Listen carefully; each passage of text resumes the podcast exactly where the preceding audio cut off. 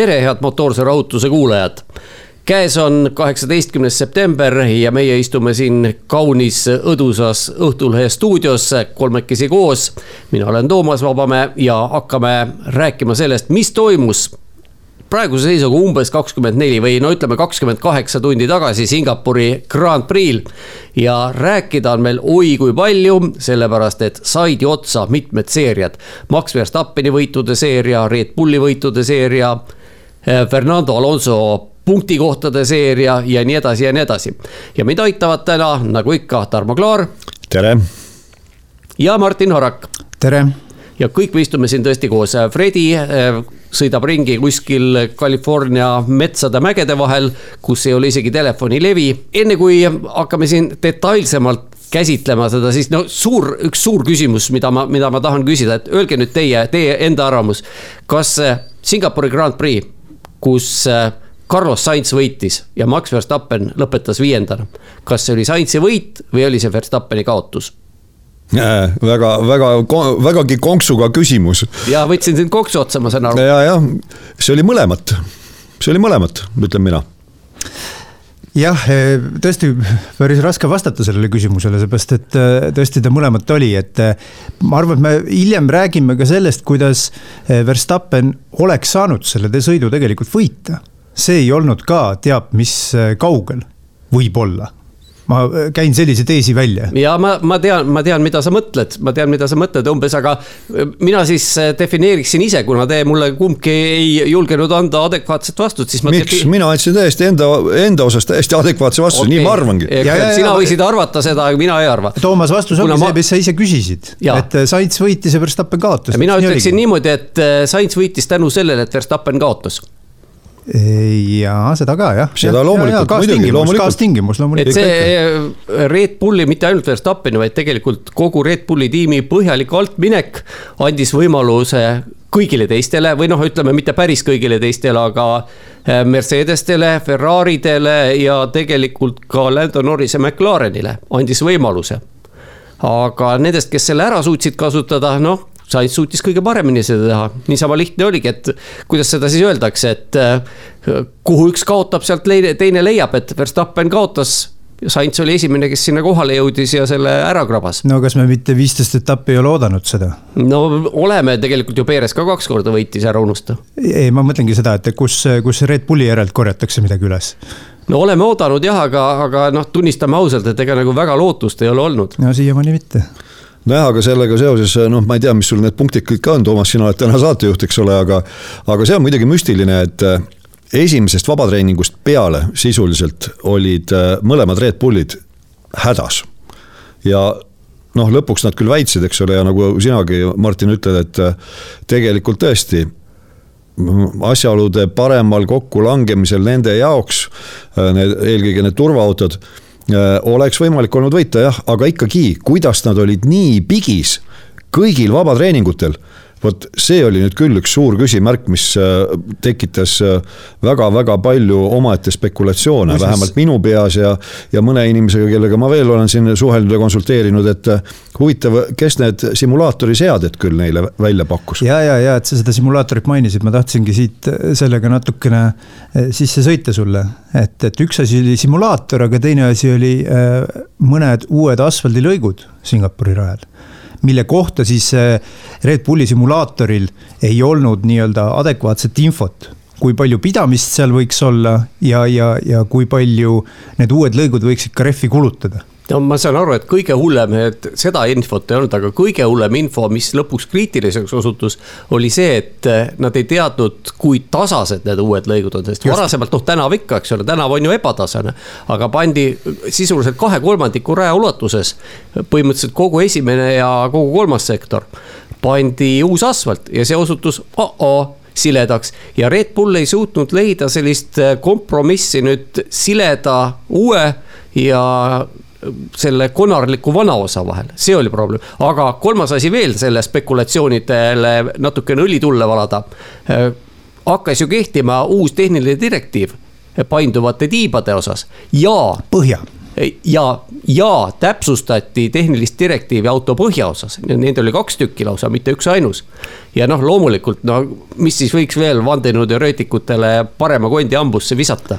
no Kristjan Orner ütles, et, et see uus tehni-, tehniline direktiiv, õigemini kaks nendest, siis ei mõjutanud vähemalgi määral no rääkida võib igasuguseid asju ja, aga teisest küljest äh, osaliselt vähemalt tal on õigus, sellepärast et äh, me ju seda märkisime ära ka seal ülekande ajal, et tegelikult Red Bull kas see oli esimesel vabatreeningul, kasutas uut põhja ja pärast naasti ikkagi kvalifikatsiooniks naasti vana põhja juurde. ma saan aru, et kõik kolm esimest treeningut kasutati seda uut põhja, aga küsimus, miks vana juurde naasti, oli mitte sellepärast, et uus oli vilets ja vana oli hea vaid, vaid sellepärast, et äh, vana omadused olid teada lihtsalt selleks, et vähendada seda tundmatute hulka mis tähendab seda, et see, need uus, uus või need uued kaks direktiivi, vähemalt üks neist, mis puudutas siis äh, täpsustusi põhjaosas, mitte kuidagi ei mõjutanud Red Bulli sooritusvõimet. no vähemalt, vähemalt põhja pool. põhjaosas kindlasti mitte. jah, just, aga Red Bullil samas uusi osi ju ikkagi oli, kuigi jah, need ju avaldatakse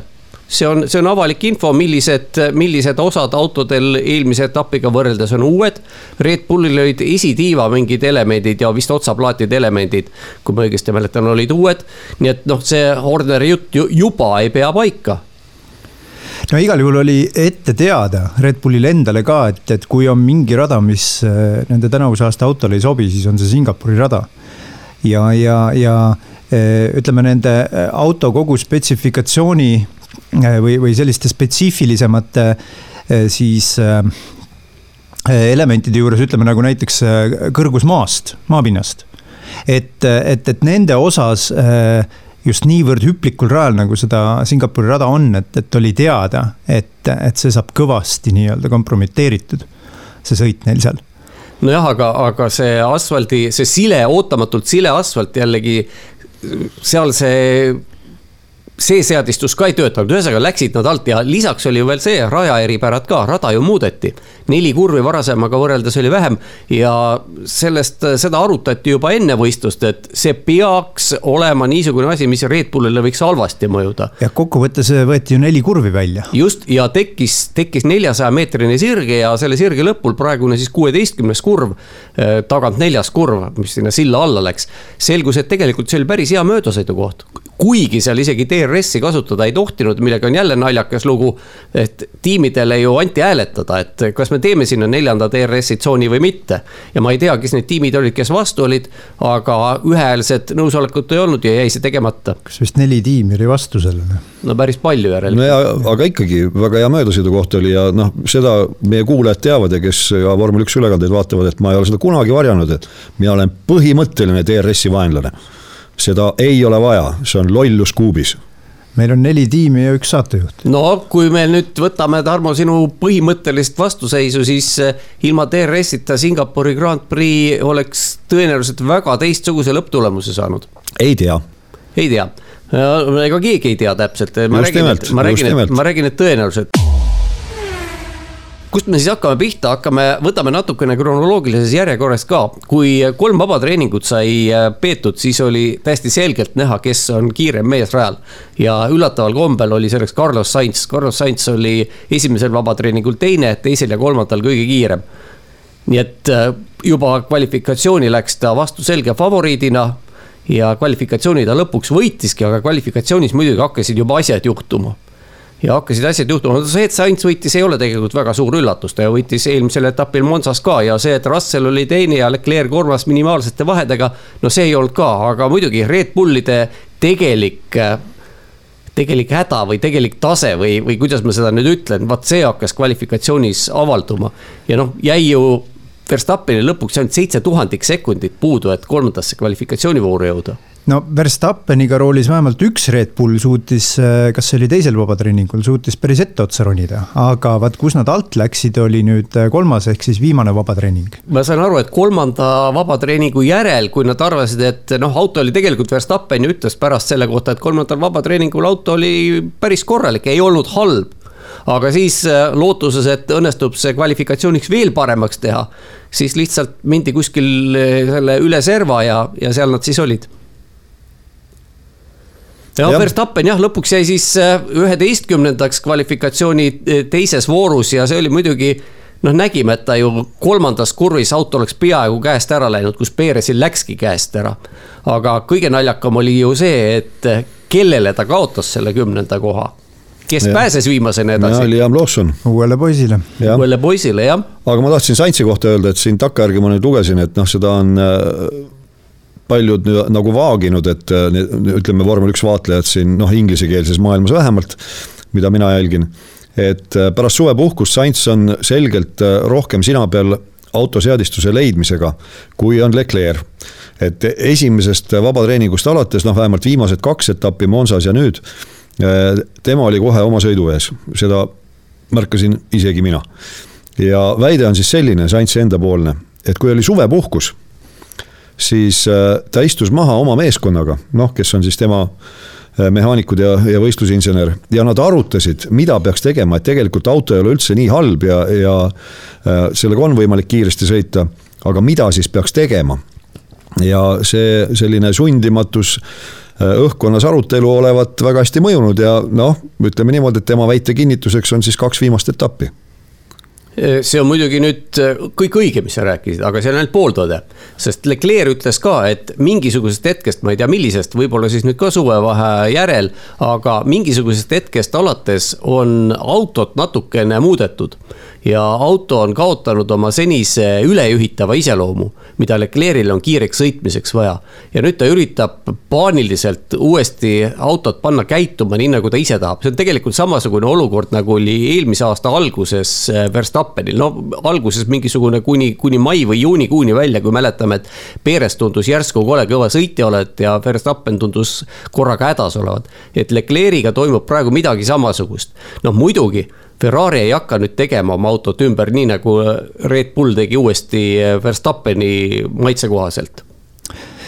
E jah, Sainz on kahtlemata olnud kõva, mingit, siin ei ole mitte midagi vaielda, nii, nii kvalifikatsioonis kui siis ka võistlussõidus, aga me ei peaks ka tegelikult ikkagi nii-öelda Leclerc'i siin, siinkohal maha kandma, et, et kummaski kvalifikatsioonis muuseas ta kaotas Sainzile kõigest umbes null koma null seitse sekundit. ei, ma ei olegi. Itaalias kui äh, Singapuris. ei, ei, mina ei ole veel Leclerc'i maha kandnud, lihtsalt mulle on see silma torganud, et vabatreeningutel esimesest vabatreeningust peale äh, Sainz paneb kogu aeg need ringid kokku, aga Leclerc kogu aeg otsib, Leclerc teeb äh, rohkem sõiduvigu vabatreeningutel ja siis äh, ütleme kvalifikatsiooniks, siis tuleb see suur nagu grande finaale tõepoolest, et vot siis paneb, paneb asja kokku ja siis kõik, kõik toimib et äh, sellest on jutt. aga kas meil Leclerc, kui me need kakskümmend kvalifikatsioonivõitu, mis tema arvel on kui me need kõrvale jätame, noh, ta on ilmselt ühe ringi peale, ma arvan, täna kõige kiirem sõitja terves rivis. aga kui me, kui me lihtsalt need kõrvale jätame. no see sõltub siis..., sõltub jälle sellest, et kas tal on auto, millega no,, millega no, seda. no nagu alati. seda loomulikult, aga ma ütlengi, et kui me nüüd ikkagi need kõrvale jätame, siis äh, ja, ja arvestame seda, et Leclerc on kole selline veaaldis. no ma tegin väikest äh, statistikat. erinevalt Sainzist ja eh, tegin väikest statistikat, seesama kakskümmend kvalifikatsioonivõitu, mis Leclerc'il on. Eh, kui palju ta nendest võitnud on, kas te teate? äärmiselt vähe. neli. Eh, kui palju Verstappen nendest kordadest on võitnud? rohkem. kaheksa. neli korda on võitnud ka Perez, kolm korda Hamilton ja ühe korra Vettel. just jah, aga siin ütleme sel aastal võib-olla noh, jaa, eelmisel aastal ka Leclerc tegi vigu, aga varasematel aastatel, kui nad koos on sõitnud siin Ferraris, tegelikult ikkagi on Sainz rohkem silma torganud selle ärakäkkimisega.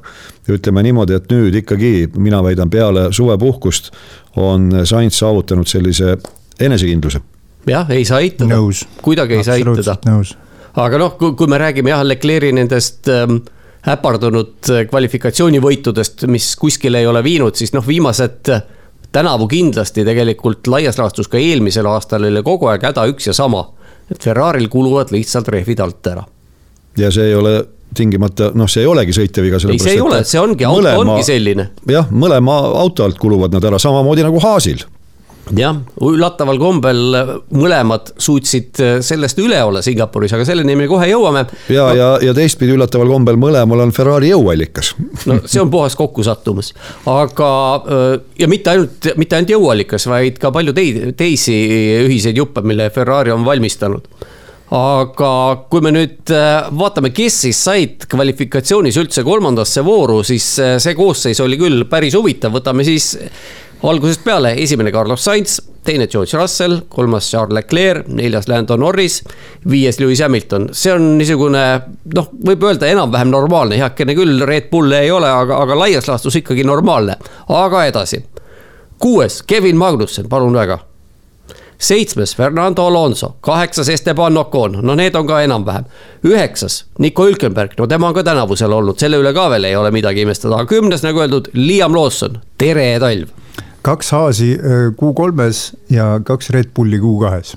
jah, ja lisa, lisaks veel üks Alfa Tauri Q3-s, kus noh, tal ei tohiks vähemalt Lawsoni juhitaval autol ei tohiks küll midagi olla, aga, aga Lawsoni kohta tegelikult, kui seda kogu nädalavahetust vaadata, siis jällegi ta ei teinud midagi silmapaistvat, aga tegi seda hästi no lõpupoole tegi, aga sinna me jõuame, aga minu jaoks vähemalt, aga noh, olgem ausad, see kolmanda vooru koosseis suuresti sõltus ju sellest äh, Strolli avariist väidan mina. jah, seda ka, et mitte ainult see, et Stroll, see oli juba Q1-s. mitte ainult, et Stroll ise kuskile ei pääsenud sõna otseses mõttes, sest tema isegi ei startinud, auto läks liiga katki ja noh, ma ei tea, kas nüüd oli tegemist lähisuhtevägivallaga, aga ja kas Papastroll oli kohal, aga noh, seal oleks küll poisile olnud paras anda üks keretäis, ütleme vanakooli inimesena. Tänapäeva mõistes muidugi ei tohi niimoodi öelda aga noh, ega ta ikka, ikka midagi head seal ei teinud ja noh, kui vaatame pikemas perspektiivis, siis ma olen seda juttu endi, enne ka rääkinud ja arvan endiselt, et Lance Trolli aeg seal tiimis vaikselt, aga vääramatult tiksub lõpupoole. no see oli jah, selline tobe, tobe eksimus loomulikult, eks, et no võtame selle, räägime selle saaga lahti, et esimene ring Strollil sai kellegi, kellegi poolt segatud, häiritud. Siis ta kutsuti sinna nii-öelda pistelisele kaalumisele. ja see tähendas seda, et tal ei jäänud enam äh, mõistlikku aega, et kiiret ringi sõita. mis ta tegema läks? ta sõitis esimesed kaks sektorit suhteliselt kesise aja no talle nüüd... esiteks enne, enne veel, kui ta sinna kiirele ringile jõudis, ta ju ei saanud ka korralikult rehvisoojendusringi teha, sest äh, aega lihtsalt ei olnud. just ja, ja, ja mis siis sellel kiirel ringil siis kolmandal sektoril ta teha otsustas kahes viimases kurvis läks aega võitma. no ta tegelikult, kui, kui otsustas seda juba enne teha, sest oli näha, kui korduses näidati, siis ka need mitte ainult kaks viimast kurvi, vaid ka nende eel siis kuueteistkümnes, seitsmeteistkümnes kurv. seal oli ju autol ka mõlemal korral oli külg ees ja noh, ta oleks pidanud piisavalt aga, kogenud võidusõitjana, oleks kas pidanud sellise, aru saama. kas sellise autoga nendes kahes viimases kurvis äh, minnakse aega püüdma või kas see on see koht? no ja kui sa oled enne juba maas oma Just. ajast no tema läks nii nagu seal vormel ühes on, et rooli peal see armatuurlaud nii-öelda, sinna sa saad igasuguseid äh, andmeid tellida peale ja, ja kvalifikatsiooniringi ajal ma saan aru, paljud sõidjad, sõitjad kasutavadki seda võimalust, et nad näevad äh, noh, nii-öelda võrdlust umbes nii nagu meie Toomasele, Toomasega näeme ametlikus ajavõtus, aga neil on see küll numbernäit nähtavasti. kui palju ta on siis ees või taga oma, oma senisest ajast. no see on, ma võin öelda äh, simracer'ina, et see on seal ka, seda ma kogu aeg vaatan. jah ja ta ise tunnistas pärast, et ta läkski eriti viimases kurvis püüdma seda, mis ta oli kogu senise ringi jooksul kaotanud, ma mõtlesin, jumal hoia, millest sa mees räägid, sa oled puhta amatöör või? ebaprofessionaalne suhtumine. täiesti. jah, ja, ja, ja aga tuleme tagasi Toomase küsimuse juurde, et kas peaks hakkama uut äh, sõitjat otsima? ma ei küsinud seda. sa ei küsinud, ma arvan, et sa tahtsid küsida seda. ei, ma ei tahtnud seda küsida, ma lihtsalt väljendasin oma arvamust, aga, aga kui sa seda küsimuseks pidasid, siis sa võid vastata. ma vastaks niiviisi, et äh, ma vaataks natuke pikema, pikema vaatega seda, seda probleemistikku seal Aston Martinis, et, et tegelikult on praegu veel lihtne probleem, sest praegu tuleb otsida ühele sõitjale asendust. aga kohe varsti sa pead hakkama kahele juba otsima, sest Alonso on juba paras vanake tiimis, ehk siis mina äh, nii-öelda otsustajana saadaksin Strolli äh, pingile ja tooksin kellegi värske sisse, vähemalt on võimalik Alonsoga mingi aeg koostööd teha? oota, mul tuleb meelde, et äh, eelmisel nädalal ma lugesin päris mitut uudist Sebastian Vetteli võimalikust naasmisest oleme ka kuulnud, jah. nojah, see on, mina ütleks niimoodi, selline jutt, mida kirjutatakse siis, kui midagi muud kirjutada ei ole, et äh, ikka saab. ikka saab Vetteli käest küsida, et ah, kui, mis oleks, kui oleks või, või kas sa oled mõelnud ja ta no, ütleb ikka, et ja noh, ja ega kõik on võimalik ja. ja nii edasi, aga tegelikult ka, kui vaatame neid Strolli tegemisi, siis olgem ausad.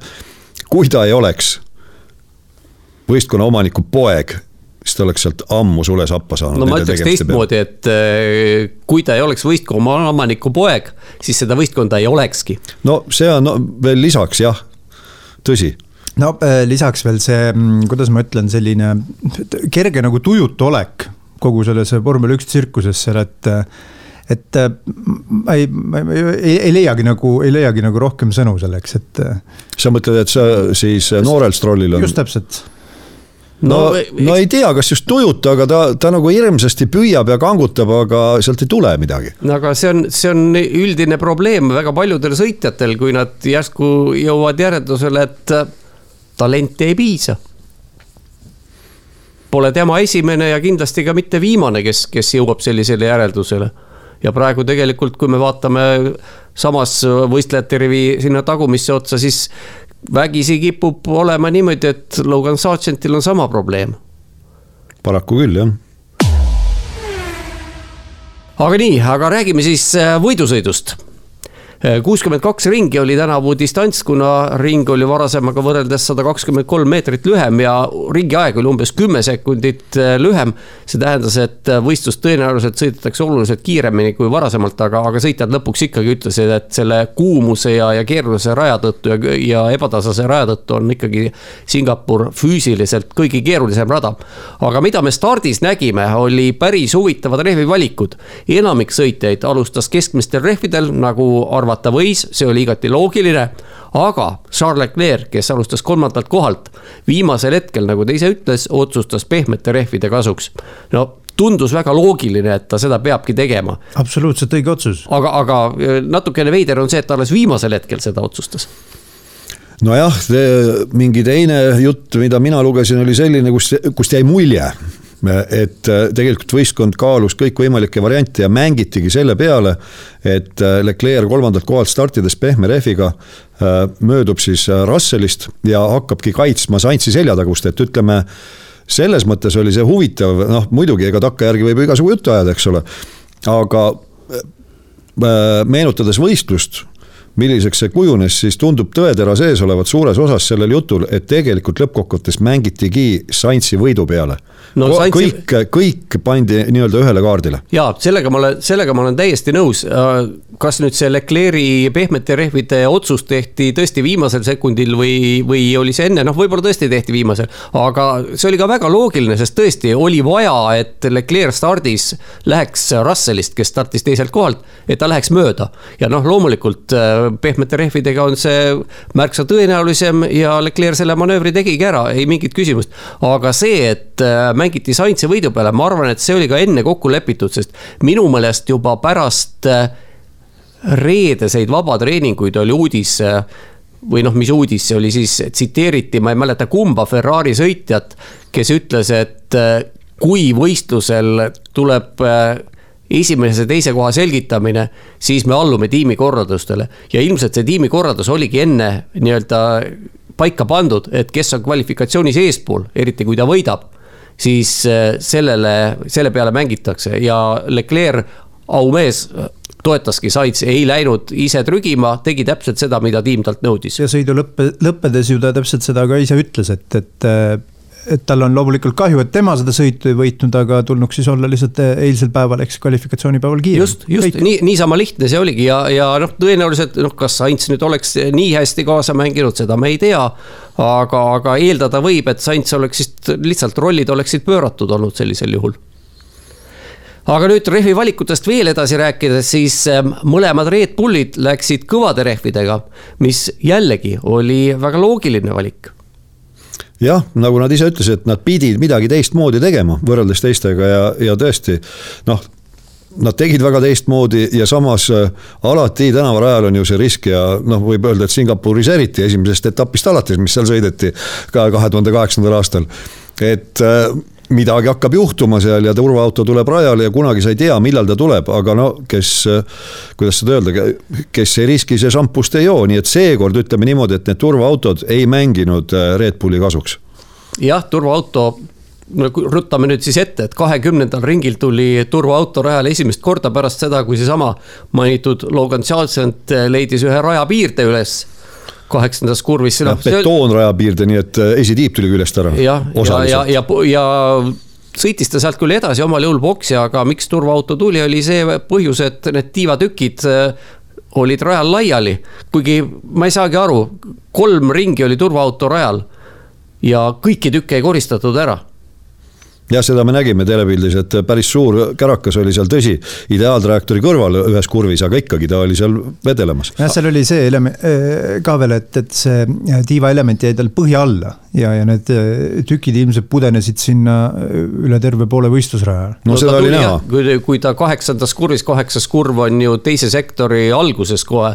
et kui ta, kui ta seal selle seina leidis, siis järelikult ülejäänud üheteistkümnesse kurvi, noh, okei okay,, kümnesse viimasesse kurvi ta jah, enam ei jõudnud, et et ülejäänud kurvidesse siis kõiki.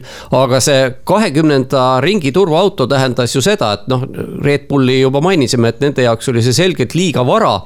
Aga nii veider, kui see ka ei ole, siis ka Charles Leclerc'ile tema pehmetel rehvidel, see oli natukene liiga vara, nagu Leclerc hiljem ütles arvestades seda, et Sainz sõitis ju väga aeglaselt, noh, Sainz teadis, see oli, see oli juba varasemalt äh, paika pandud taktika, et tuleb sõita nii aeglaselt kui vähekesegi võimalik. sellel oli kaks eelist, esimene oli see, et äh, see nullis ära Ferrari äh, isu rehvide järele, rehvid ei kulunud. Sainz ju ütles ka, see oli mingisugune kümme ringi või, või midagi sellist oli läbitud, ütles, et ma võiksin sellises tempos terve päeva sõita ja teine, äh, mida see aeglane tempo tegi, oli see, et võistlejate rivi püsis suhteliselt koos ja see ei andnud tagumistele meestele, eelkõige siis Mercedese sõitjatele ja ka Lando Norrisele võimalus varasema boksi peatusega, undercut'iga Ferrari omadest mööda minna ja Ferrari mängis siis selle peale välja, öeldi ju Leclerc'ile, et lase Sansiga vahe sisse, alguses öeldi kolm sekundit, pärast lausa viis sekundit.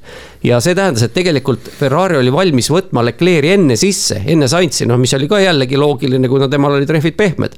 aga turvaauto tuli Leclerc'i jaoks natukene liiga vara ja kommentaariks veel nii palju, et Sainz sõitis kohati sama tempoga nagu Logan Sargent äh, võistlejate rivi lõpus siis. ja, ja ta et just. ringiajad olid, olid peaaegu võrdsed. just, just, ta sõitis nii aeglaselt äh, kui võimalik ja nii kiiresti kui vajalik.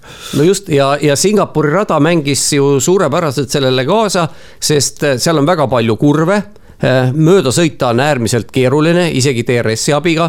Äh, Ferrari tippkiirus, eriti Sainzi Ferrari'l oli sel nädalavahetusel raudselt kõikidest kõige parem. seda näitas äh, kvalifikatsioon kõikidel, noh neljas punktis mõõdetakse ja, ja kahes punktis oli Sainz kiirem ja kahes paremuselt teine, nii et noh, mingisugust küsimustki ei olnud. nii et äh, sai ta seda lubada, kõik olud mängisid tema kasuks ja tuleb öelda ja ma, ma arvan, et me ütleme seda täna veel. Sainz kasutas kõik võimalused, mis talle anti perfektselt ära. jah. aga nüüd see kahekümnes ring, äh, turvaauto tuli rajale ja nagu arvata võis äh, läks lahti suur rehvivahetuste karussell ja kes oli seal siis kõige suurem kannataja? Leclerc põhimõtteliselt Leclerc jah, ja mina julgen väita, ma ei ole nüüd uuesti küll, äh, tunnistan pattu, äh, takkajärgi vaadanud, aga siis, kui ülekande käigus korrati, siis ütleme niimoodi, et äh, minu meelest vähemalt Ferrari noh, turvas üle selle, selle boksipeatuse selles mõttes et nad läksid kindlalt selle peale, et Leclerc ei saaks karistada, tegelikult oleks võinud Leclerc'i sealt äh, varem boksist välja lasta. Hamiltoni ette välja lasta. oli veel naljakas asi, et seal ju seisis, Hamilton seisis Russelli järel äh, sabas ja seal ei olnud lihtsalt Leclerc'il ruumi, kuhu välja minna et see oli veel selline naljakas situatsioon. ja, ja Hamilton ei hakanud ka sisse keerama, nii et seal oli jah, ühesõnaga olude, olude ohvriks langes, ega midagi ei olnud ja, teha. puhtalt olude ohver jah ja., absoluutselt. aga see enne, enne boksi tulekut oli eh, Leclerc'i siis kaotus eh, Sainzile neli pool sekundit. nii et ta peaaegu selle. viimasel selle viimasel siis äh, ajamõõdu nii-öelda joonel, kus iganes seda aega seal äh, võetakse, siis äh, seal oli see vahe kaheksa koma viis sekundit, nii et neli sekundit. nii et ta lasi, lasi, lasi tead, teadis, mida, teadis, mida tegi jah, just. Ja no aga eks me võime, jõuame selleni võib-olla ka, aga noh, Ferrari taktikatiimi pool tööd vähemalt tegi Sainz ise ära, aga see tundub, et see ülejäänud pool siis informeeris Leclerc'i eh, tolles olukorras küll täpselt, mida aga tegema masin, peab. masin ja värk töötas. absoluutselt. Et... sest, sest kokkuvõttes on tegemist sellise eh, karistuse riski omava eh, teguviisiga. no just, et kui palju noh, venitada võid, aga küsimus ongi selles, et kui palju sa venitada võid ja noh, seda enam, et tal terve, terve pikk rodu oli, oli taga. aga igal juhul jah, kui turvaauto rajalt lahkus, siis oli suur jagu sõitjaid oli teinud oma boksi peatuse, aga üsnagi ettearvatavalt, kes ei käinud boksis, olid kolm sõitjat. Max Verstappen Sergio Perez Red Bullil, kes olid mõlemad startinud kõvadel rehvidel ja ka Valteri Botas, kes oli samuti kõvadel rehvidel startinud, aga tema startis kuskil. no kui Grand Prix toimus Singapuris, siis tema minu meelest oli kuskil Bruneis või, või, või poolel teel Austraaliasse. nii kaugel stardirivis, et teda isegi ei olnud tähele panna ja nüüd oli huvitav jah vaadata, et mis siis toimuma hakkab, Verstappen oli ju Saintsi järel teine mis hakkas toimuma. ja Perez neljas. no hakkas see toimuma, et kõik hakkasid äh, Red Bullidest mööda sõitma. just, mis oli ka muidugi, muidugi üsna ettearvatav. ja lisaks äh, Hamilton sõitis Leclerc'ist mööda, sest Leclerc ei, ei saanud oma, oma rehve äh, turvaauto taga soojaks.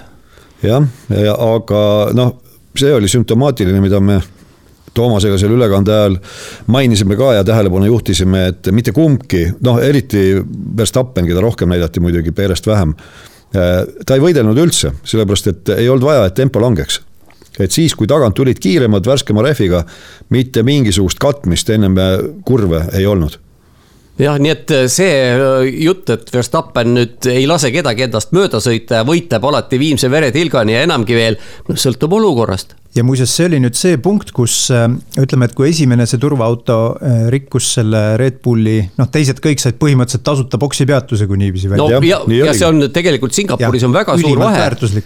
ja kui Singapuris äh, hinnanguliselt on tavaline boksi peatus nõuab kakskümmend kaheksa ja pool sekundit, siis turvaauto all ainult viisteist. sest siit punktist hakkas nüüd see pihta, kus Red Bullid jäid ootama nii-öelda teist võimalikku turvaautot, sest, sest nad neto olid ju tegelikult teisel ja neljandal kohal. väga olid... kõrgel eesotsas. ja kuigi, kuigi.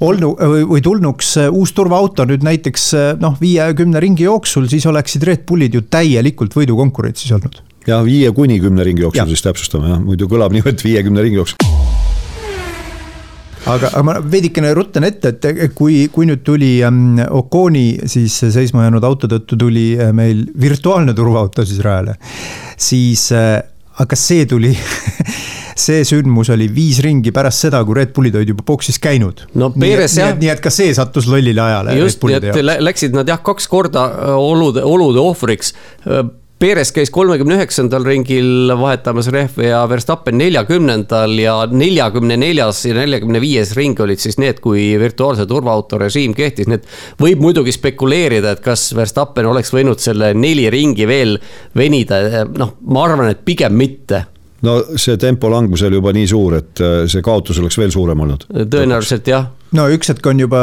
riski minimeerimine või nii-öelda ütleme, kaotuse siis minimeerimine, et, et, et sa tead, et sa oled juba hävinud, et noh, et mis siis enam, eks. aga kui sellest teisest äh, turvaautost, noh, see oli siis küll virtuaalne turvaauto rääkida, siis äh, minu jaoks igatahes nüüd takkajärgi mõeldes ka ja, ja ülekande ajal ma, ma ei saanud ka aru noh, miks Ferrari ei võtnud Leclerc'i sisse, sest neil ei olnud kaotada mitte midagi ja Leclerc'iga ja, ja võita terve maailm, et äh, Leclerc oli nagu täielikult äh, nende jaoks äh, noh, oligi nii-öelda ohvrilammas, ohvriks toodud ja kogu tähelepanu oli ainult Sainzil. kas seal ei olnud mitte see probleem, et Leclerc'il ei olnud rehve järgi? No vot, see rehvide, rehvide järelolek või mitte järelolek, mingisugused rehvid tal olid ju kindlasti alles ja tal oli võimalus valida ükskõik millised, sest tal kaks segu oli juba kasutatud. ütleme tal, mida ei olnud kasutada enam, olid kõvad rehvid, sellepärast need, need äh, olid juba noh, siis olid parasjagu all, kui, kui. keskmisi see, oleks olnud panna keskmisi küll. keskmisi oleks olnud, et ja... mitte küll uut komplekti, tõsi aga, aga kes kasutasid ära selle võimaluse, olid Mercedesed ja Mercedese tiim, nagu selgus, oli väga pikka aega valmistunud selleks, et hoida võidusõiduks kaks komplekti keskmisi rehve. oot-oot-oot, aga praegu ma jäingi mõtlema, et äh, seda saab muidugi takkajärgi vaadata, aga ma jäingi mõtlema, et äh, kiitis ju Russell pärast äh, kvalifikatsiooni et äh, nende võistkond taktikaliselt käitus väga õigesti, noh, siin, kes ei tea neid reegleid kõiki, siis äh, süsteem on ju selline, et äh, nendest rehvikomplektidest, mis eraldatakse võistkondadele, teatud kogus tuleb tagasi anda nii-öelda. ja see kogused on ka piiratud, kui palju, kui palju, millise kõvadusega kasutada on ja Mercedesel oli siis ainsana võistluspäevaks järgi jäänud kaks keskmise kõvadusega uut komplekti.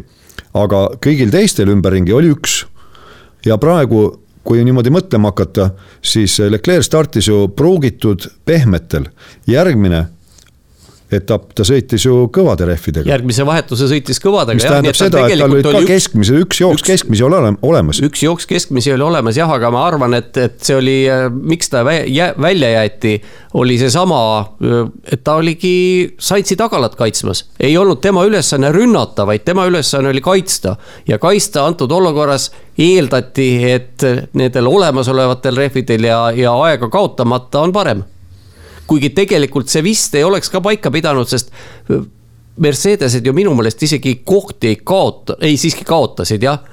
Russell kukkus teiselt kohalt neljandaks ja Hamilton neljandalt viiendaks nii et, aga, aga see jah, selle üle võib muidugi spekuleerida, aga, aga ma kujutan ette, et see Leclerc'i mitte sissekutsumine. Leclerc'ile oli öeldud ka muuseas, nüüd mulle meenub, et tee teistmoodi kui Hamilton. Hamilton tuli sisse, Leclerc jätkas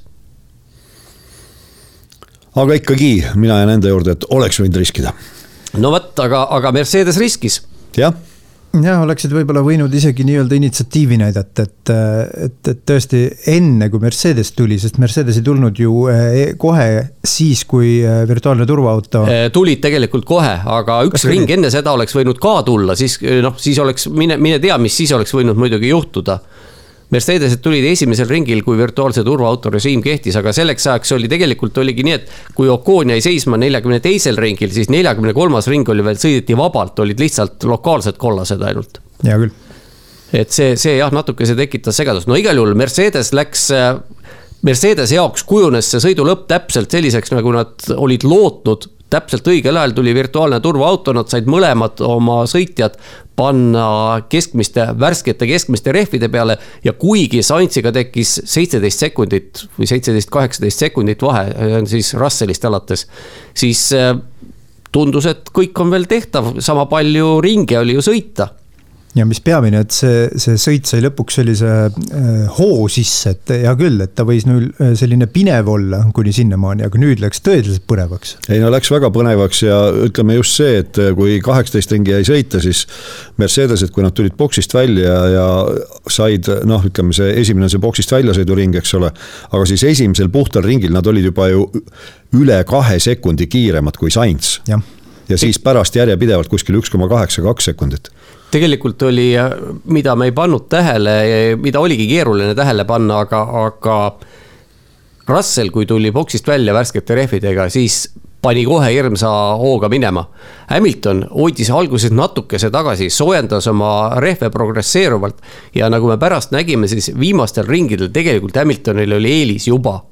aga noh, Russell oli ees ja, ja ilmselt mingisugust sellist kokkulepet ei olnud, et, et hakkame nüüd kohti vahetama jah, aga ei olnud ka sellist kokkulepet, et hoiame kohti nojah, need, nad olid jah, aga, aga noh, Hamilton ja, ja Russell mõlemad ju teavad, noh, Hamilton eriti, eks ole, kes oli taganttulija rollis, et sellises olukorras hakata jõuga mööda sõitma, siis noh, tulemus on üksainus.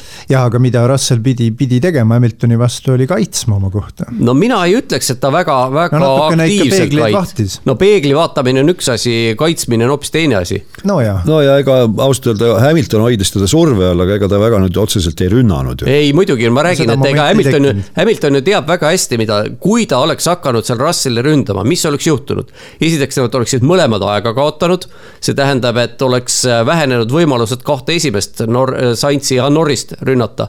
teiseks, rehvid oleksid kuluma hakanud oluliselt rohkem kui, kui rahulikult sõites. jällegi šansid kahte esimest rünnata oleksid kahanenud aga mida tegi Sainz, Sainz, vot tollel hetkel, kui äh, nüüd algas see viimased kaheksateist ringi, siis näitas, et ta on geenius vähe sellest, et ta sõidab suurepäraselt, ta ei teinud kogu sõidu jooksul ainsatki märkimisväärset viga, sest vastasel juhul ta ei oleks seda võitnud. aga teine asi on see, et ta ise mõtles välja, et tuleb Norrist hoida DRS-i ulatuses, et Mercedesed ei saaks Norrist rünnata ja see oli puhtalt Saintsi enda initsiatiiv. kusjuures äh, ülekande ajal ka, kui meile lasti see raadioside jupp, et äh, öelge mulle iga, iga ring äh, vahe Norrisega, siis ma mõtlesin, oota, pühamüristus, miks Norrisega, Mercedesed tulevad ju hirmsa hooga tagant. aga siis äh, paar ringi hiljem selgus, miks. no vot, Sainz teab asju, mida teised ei tea et see ja, ja, ja jutt ei käi ainult, et mida meie ei tea, aga teab ka asju, mida kogu Ferrari taktikatiim ei tea. ja noh, näide sellest, mismoodi mees äh, sõidu ajal mitte lihtsalt ei oota korraldusi võistkonnalt, vaid mõtleb ise kaasa kogu aeg. jälgib olukorda, hoiab äh, kontrolli all, noh teda lausa hakati võrdlema siin professor Alain Prostiga, eks ole. noh, ega ausalt öelda, eks Alonso on enam-vähem sama tüüpi sõitja ja, ja noh, ega Hamiltoni raadioside Äh, seansid ka nende aastakümnete jooksul, mis ta nüüd vormel ühes on olnud, noh, peaaegu et aastakümneid. et äh, need ju viitavad ka sellele, et ka Hamilton on seda masti mees, kes kogu aeg mõtleb kaasa, mõtleb äh, nendele taktikalistele variantidele, aga nüüd eilsel sõidul tõesti noh, see Sainzi otsus takkajärgi Fred Vasseur, tiimipealik, ütles ka, et see oli puhtalt Sainzi isiklik otsus, nad polnud isegi arutanud sellist varianti, aga see oli tulega mängimine no oli tulega mängimine, aga, aga Sainz teadis väga hästi, mille peale ta läheb, jällegi seesama äh, raja iseloom äh, mis äh, möödasõite eriti ei võimalda, teiseks Ferrari, eriti tema Ferrari, selgelt suurem tippkiirus. ja noh, põhimõtteliselt oligi kõik. ja, ja see oli üpris napp. no muidugi ja üks asi veel, et ise ei tohi ühtegi viga teha. ja, ja, ja üpris napp oli, et Russell oleks tegelikult saanud mööda sellel uuel rajalõigul Norrisest, aga seal juhtus ka naljakas asi, et Russell sattus sellele hüplikumale rajaosale, üritades siis mööduda Norrisest. ja kuna Mercedese tippkiirus ei ole nii suur, kui on äh, siis McLaren ma nüüd vist ei tohi öelda Mercedese või? võid öelda. Mercedes, Mercedese mootoriga. see ei ole keelatud, see ei ole keelatud. see ei ole tabu. isegi meie saates mitte. et eh, vaat siis ühesõnaga ta sattus, sattus hüplikumale rajaosale ja, ja, ja sellega ta kaotas üksjagu siis eh, kiirenduses no ja, ja sellest ja... oligi, see oligi piisav, see oli ainukene, ainukene realistlik hetk, kui tal oli võimalus Norrisest mööduda. ja minu meelest, kui ma õigesti mäletan, see oligi see punkt, kus Sainz tabas selle ära, et kuule, et, et ainus võimalus neid Mercedeseid seal taga kinni hoida on abistada Norrist.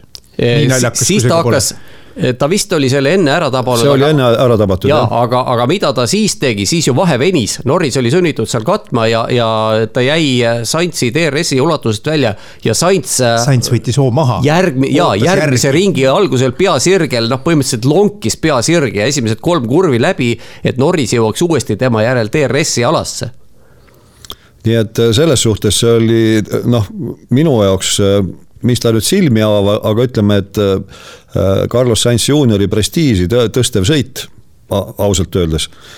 ja teisipidi ka äh, Ferrari poolt äh, noh, arvestades seniseid ämbreid uskumatu meeskonnatöö. jah, kõik tegid seda, mida nad tegema pidid.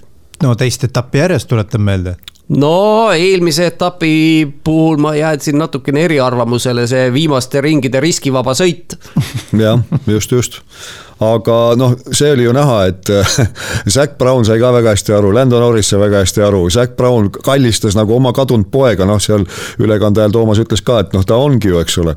et noh, sõitis ju McLarenis, aga noh, see oli tõesti, Lando Norris ütles ka, et ilma šansita ta seda kohta pole, poleks no, hoidnud. ta ütles konkreetselt, et äh, Carlos oli täna DRS-iga väga helde. ja täpselt seda ta oligi.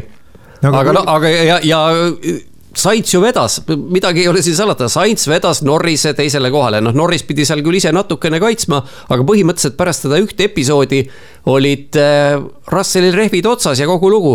Ja aga, aga mitte nii otsas, et Hamilton tast mööda oleks saanud. aga nüüd, kui keegi küsib, et noh, Ferrari'd on nüüd kuskilt tohutu kiiruse leidnud ja järgmistel etappidel siis, mis siin jäänud on, seitsmel, et. et äkki näeme ka mingisuguseid selliseid äh, vigurisi, siis äh, ma julgen ennustada, et ei näe. sellepärast, et kvalifikatsioon, kvalifikatsiooni tulemus kõigepealt ja edukas start mõlemate Ferrari'de poolt ja ebaedu nendel Red Bullidel mängis need trumbid kätte see kogu see situatsioon äh, hakkas lahti rulluma kvalifikatsiooni tulemustest ja heast stardist. jah, Tarmo, äh, sul on tavaliselt siin stuudios kaasas pakk pabereid kiiremate ringiaegadega ja kõige, kõige muu. seekord polnud mõtet seda võtta üldse sest kõik, keegi ei sõitnud kiireid ringe, kõik sõitsid, kõik sõitsid aeglaseid ringe. no olid tegelikult kaks meest olid, kui äh, Russell ja Hamilton seal värsked rehvid alla said Aga ja hakkasid jah. liidreid jälitama, siis nad sõitsid kiiresti. jah, et äh, Verstappeni parimad ringiajad ei pruukinud küll olla need, mis ütleme lõpus seal äh, Russell näitas ja, ja, ja, ja Hamilton aga ütleme, et oleks mõne turvaautoga natukene paremini läinud Red Bullil ja oleksid nad samamoodi Mercedestega ühes olnud siis värsketel rehvidel.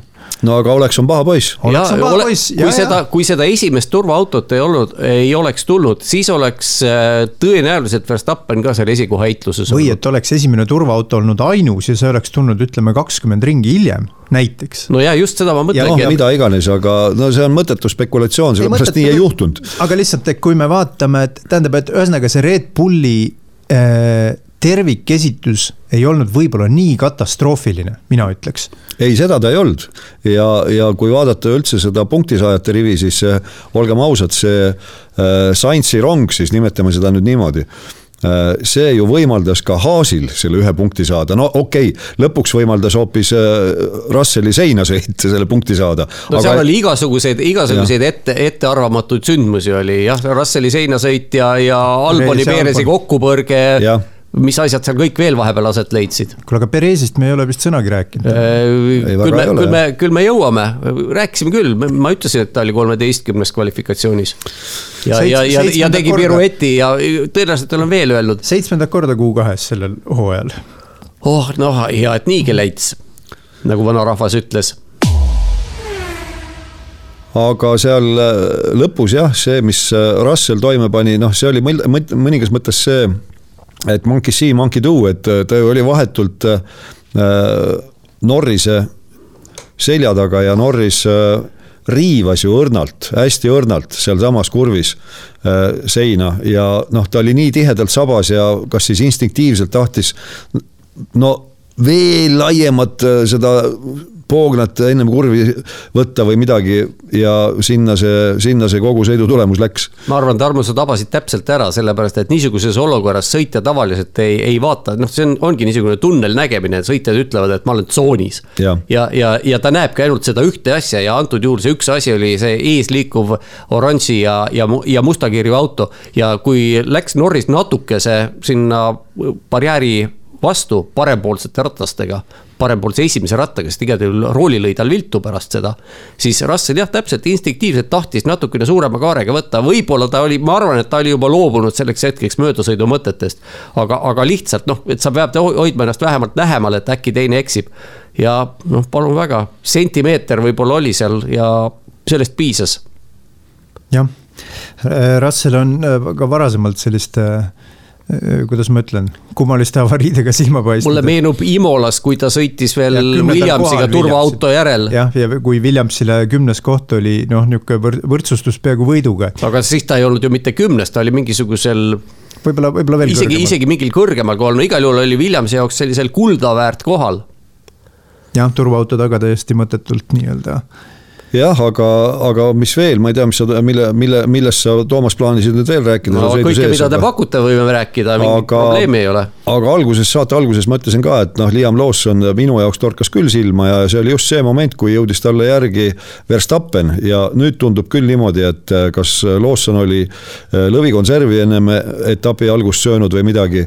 see, mismoodi ta võitles Verstappeniga positsiooni pärast oli täiesti tarbetu ja ma ei ole sugugi kindel, et Red Bulli juhtkond äh, selle vaatepildiga väga rahul oli sest see jah, oli täiesti mõttetu võitlus. ja see oli täiesti mõttetu võitlus ühest küljest ja kui me nüüd vaatame lõpptulemusi, siis see võis maksta Verstappenile neljanda koha, sest ta jõudis ju Leclerc'ile täiesti järele. aga jällegi, sellest me ka kindlasti räägime, et äh, pehmelt öeldes ülekande kvaliteet oli väga halb, seda pehmelt öeldes, väga pehmelt öeldes ja me ei tea, meile ei näidatud ju, mina küll ei mäleta, et oleks näinud, kas nüüd äh, Leclerc ennem finišit võttis jala gaasipedaalilt ja seeläbi jõudis nii lähedale Verstappen või ta tegelikult ka oligi täiesti sabas viimasel ringil? no oli, Verstappen jõudis ilmselt omal jõul lähemale, sest Leclerc'il oli ju probleem auto ülekuumenemine ja seetõttu ta kogu selle, kogu selle viimased, ma ei tea, kümmekond ringi või, või, või rohkemgi, kui läksid Hamilton ja Russell temast mööda, noh siis Leclerc'il loomulikult oli selge, et midagi enam püüda ei ole oma vanadel rehvidel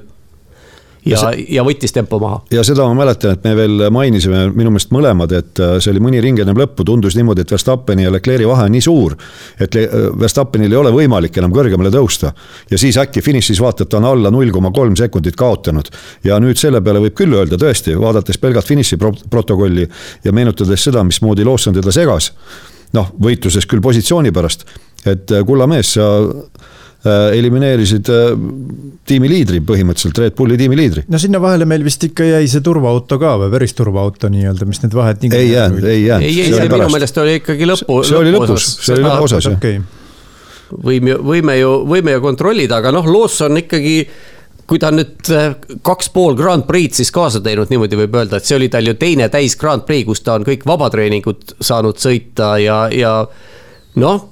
Tsunoda peab oma koha pärast muretsema, Ricardo peab oma tuleviku pärast muretsema ja no mine Perestki tea. kuidas sa nüüd ütlesid, et äh, Lawson on kaks ja pool Grand Prix'd sõitnud, siis äh, Tsunoda on sõitnud viimase kahe Grand Prix peale ühe ringi või, või noh, mitte päris ühe. jah, päris ühte ei tule jah kas mitte, kas mitte Saatšet ei alustanud ka oma hooaega umbes samamoodi, aga noh, temal ju muidugi vahet ei ole tegelikult jah, ega see au ei tee, aga no,. noh, Monsas oli Tsunodal mingit laadi tehniline probleem ja, ja, ja. nüüd ta põrkas. nüüd oli Perezi laadne probleem. nüüd oli Perezi laadne Peere. probleem, nii et jälle see, see Red Bulli farm ise seal saputas tiibu omavahel ja, ja me ei saanud algul Toomasega aru, mis see teema oli, miks ta, miks ta katkestas, sellepärast tundus, et ka esirattad puudutasid ka maad, et rehvi purunemist ei olnud. aga tagantjärgi väide oli selline, et see külgkokkupõrge Peresega ikkagi purustas jah, jaud-, mootori jahutussüsteemi ja seetõttu ei saanud edasi sõita. jah, ta küll ise tiimile ütles, et tal on äh, rehv lõhkenud, aga, aga tiim ütles väga selgelt, et ruttu kiiresti leia koht ja peata auto. no seal ei olnud keeruline, keeruline seda kohta leida tegelikult, tuli lihtsalt natukene otsa sõita Ja, aga, aga, aga Lawsonist nii palju, et kui see Verstappeni lugu kõrvale jätta, siis ega ta on ju tublilt sõitnud, selles suhtes pole ju paha sõna väga öelda. no tõi, äh, Alfa Tauri tõi ka suure uuenduste paketi Singapuri ja, ja Tsunoda treeningute aegu vaadates ja noh, tegelikult Lawsoni ka tundus, et see, see töötas suhteliselt hästi, noh, võis jälle muidugi võisid seal olla raja eripärad, mis, mis mängisid Alfa Taurile seal natukene kätte. Aga lõppkokkuvõttes võib öelda, et Lawson võttis äh, kõik, mida talle pakuti, võttis vastu, ütles aitäh. noh, Verstappenile ei öelnud aitäh, Verstappen tõenäoliselt talle ka jõulukaarti ei saada noh, ja tuletame meelde, et selle kirenumbriga äh, Alfa Tauri ei ole ju sel hooajal punkte võtnud just ja vähe sellest, äh, kui nüüd kerenumbritest räägime, siis kaks punkti sai Lawson üheksanda koha eest. Tsunoda ei ole kümnendast kohast kõrgemale tänavu veel jõudnud. Jah, nii et tõi parimad punktid ja, ja nüüd selle nädala lõpus siis on Jaapani etapp ja vot see saab põnev olema, sellepärast et Lawson on jätkuvalt roolis. aga oled sa, oled sa näinud ametlikku kinnitust? ei ole. mina ka ei ole, aga aga ma, mul ma... on kurjad kahtlused, et äh, põhimõtteliselt isegi kui Ricardo oleks sõidukõlbulik jäetakse Lawson rooli, et näha, mida ta endale tuttaval rajal suudab. oota, kas sa tahad öelda, et Tsunoda jäetakse siis välja või, koduetapil? ei, miks, miks?? Ricardo'l lastakse veel paraneda. Ricardo lastakse jutu, paraneda. jutumärkides ja pudelikorkides. jah, sedapidi ikka et Tsunoda, Tsunoda kindlasti oma koduetapil sõidab ja Ricardo lihtsalt jällegi klapid peas, naeratab ja muud ei midagi. ja ma selle nii-öelda koduraja või, või siis äh, tuttava raja, noh, mis Suzuka Lawsonil on ilmselgelt. et me mõni saade tagasi mainisime Eddie Irvine'i ja üheksakümne kolmanda aasta Jaapani Grand Prix'd, et ma soovitan vaadata järgi üheksakümne seitsmenda aasta Jaapani Grand Prix, kus Eddie Irvine teeb Äh, kahest autost korraga sõidab nendest Suzuka S-ides äh, mööda. ja, ja seal on vist kas Schumacher ja Villeneuve on äkki need, kellest ta mööda sõidab. hea küll, Schumacher seal küll natukene takistab, aga tegemist on ikkagi äh, võistlussõiduga ja, ja, ja mis Irvine'i puudub, puutub, siis tema oli just nimelt see sõitja, kes oli äärmiselt tuttav Suzuka rajaga, nii et jah, sellepärast, et ta samamoodi võistles ju Jaapanis, nii nagu sel hooajal võistleb Liam Lawson Jaapanis. jah, muidugi see tutvus Suzukaga, noh näiteks ähm, ma ei kujutagi ette, kui palju Tsunoda äh, on seal sõitnud ja milliste autodega, no vormel ühega ta on, eks ole, kahel hooajal sõitnud. kas Tsunoda seal pole mitte sõitnud ainult vormel neljaga Mi? minu meelest ongi varasematel aastatel ainult vormel neljaga jah ja., nii et tema kogemused ka, need varasemad kogemused väga ei päde, sest noh, seal need on lihtsalt liiga erinevad no jaa, aga vormel ühega ta ikkagi seal sõitnud ja, on. ja, ja Lawsonist veel rääkides, et ikkagi ma täna vaatasin kusjuures seda superlitsentsi punktisüsteemi, mis on täiesti ühest küljest naeruväärne, teisest küljest arusaadav. on võrdsustatud Jaapani superformula FIA vormel kolmega muide punktide tabelis, selle, selle superlitsentsi punktide tabelis. meretagune asi, keegi ei tea ju, mis seal tehakse. ja, ja aga noh, arusaadav, et FIA nii-öelda upitab oma sarju, et, et seal sõidetaks. aga ta on ju kiiruslikult üsnagi lähedane. no ta on ikka, need autod on oluliselt kiiremad, kui on vormel kaks ja, ja., ja mis on oluline, et nende survejõud, aerodünaamiline survejõud on vormel ühele, see iseloom on, on palju lähedasem just, et selle, selles mõttes on ikkagi Lawson mitte lihtsalt võistelnud seal Suzukas, vaid ta on seal kiire autoga võistelnud. jah, ta on parima võimaliku ettevalmistuse saanud. muidugi mina ütleksin, et, et äh, on ka teistsugune loogika olemas äh, ja teistsugune loogika ütleb, et äh, me oleme nüüd näinud küll, mida Lawson oskab, laseme nüüd Ricardo uuesti platsi, vaatame, mis tema teeb. no elame-näeme, ega siin palju pole oodata, kui ma õigesti mäletan, siis neljapäeval vist tuleb see võistlejate nimekiri nii-öelda esitada. võistlejate nimekiri vist tuleb mis asi tuleb teisipäeval esitada? minu meelest tavaliselt öeldakse need, kui, kui mingisugused need esimese vabatreeningu osalejad on noored sõitjad, siis need tavaliselt ilmuvad teisipäeval, need nimed okei okay,, no ootame. aga, aga noh, igal juhul, igal juhul kaua ei ole oodata, eks me saame ja. teada. aga noortest sõitjatest rääkides, mina üldse ei imestaks, kui Red Bull paneb näiteks Ayumu Iwasa sõitma esimest vabatreeningut äh, Suzukas. see on üliäärmiselt loogiline. väga võimalik, jah ma korraks äh, tulen tagasi veel Lawsoni juurde, et, et millest on äärmiselt kahju, on see, et, et kõigi selle noh, kolme Grand Prix jooksul siis ta ei ole saanud või meie ei ole siis saanud sellist vahetu võrdluse pilti temast. küll on ja. Äh, meil Sandvorti etapp oli. no siis tal üldse poole pealt tuli peale. just ja, ja noh, see oli sellistes oludes, nagu ta oli. Äh, ja, ja, ja nüüd kaks etappi ei ole meil Tsunodat olnud võistluse käigus kõrval, et, et see on, see on mitte ainult kahetsusväärne nii-öelda meie vaatevinklist, vaid tegelikult Kuti ennast silmas pidades. no see räägib jälle selle minu teooria vastu, et ikkagi oleks vaja saata Lawson ka Jaapanis rajale siis reaalses vahetuskonkurentsis, et näidata, mis mees sa oled jah, täna meil see teadmine noh, paraku puudub. aga muide, kui, kui nüüd mõelda, Oskar Piastrist me ei ole üldse rääkinud, kes tuli seitsmendaks. jah ja oli ju kolm, kolm debütanti tänavu ja need debütandid Piastri, Lawson ja Sargent, keegi ei olnud varem Singapuris sõitnud aga mina ütleks, et see debütandi seisus on ju suurepärane, sest eh, kolmest kaks olid punktikohtadel. Polegi vaja kogemust. jah, ja, ja, ja siin ennem saadet rääkisime ka ja, ja pärast etappi Toomasega, et Piastri tõusu seitsmeteistkümnendalt stardikohalt seitsmendaks me sisuliselt ei näinudki no,. üle, veel kord, et ülekande kvaliteet oli kehv Piastri, Piastrist nii palju, et taustaks lihtsalt, et miks ta seitsmeteistkümnendal stardikohal oli, et sugugi mitte enda süüd, et no, tema oli üks nendest kannatajatest, kes Strolli avarii tõttu äh, jäi tal see viimane, kõige viimane kiirem ring sõitmata siis Q1-s. et sinna ta siis asetus. Äh, ja teine asi veel, et, et äh, Norrise auto oli nüüd see taaskord see uuendustega auto ja Piastri oma ei olnud no,. Piastri oli, oli väheste uuendustega. väheste jah, mitte, mitte ja. kõikidega, mis täpselt seal oli, noh, need uuendused olid tõeliselt põhjalikud, sest McLaren äh, võttis ka uue auto põhjakasutusele, noh, mis on aerodünaamikas tänapäeval raudselt kõige Aga tähtsam jah, element. olnuks, äh, olnuks Piastril, või õigemini saanuks ta sõita selle kiire ringi äh, kvalifikatsioonis ja noh, ilmselgelt oleks ta Q2 jõudnud ja tõenäoliselt ka Q3 tema varasemaid aegu vaadates. et meil oleks äh, see malemäng seal äh, sootuks teistsugune olnud võistluse no, käigus. meil no, oleks ka teine McLaren seal segamas no, olnud. seda kindlasti, aga nüüd äh, Jaapani etapiks on McLaren lubanud, et mõlemad autod on ühesuguse spetsifikatsiooniga ja tõsi, Piastri ei ole seal ju võistelnud Suzukas aga noh, mis seal siis ikka, vabatreeningutel no, aega harjutada küll. kui Singapuris oled seitsmes, siis Suzuka on vasaku käega selja tagant ja kinni silmi. jah, sest see on ju tavarada nii-öelda. ei ole betooni seal nii lähedal kogu aeg, nagu, nagu on äh, tänavaradadel. ei no Piastri ütles ka tegelikult Singapuri kohta, et ta on seda rada simulaatoris ja, ja noh, mitte ainult siis äh, tiimisimulaatoris, vaid ka võidusõidumängude mängusimulaatorites palju sõitnud ja noh, enam-vähem teadis, mida oodata, aga. aga noh, see vahetu kogemus on ikka hoopis midagi muud, aga hea, et see nüüd olemas on.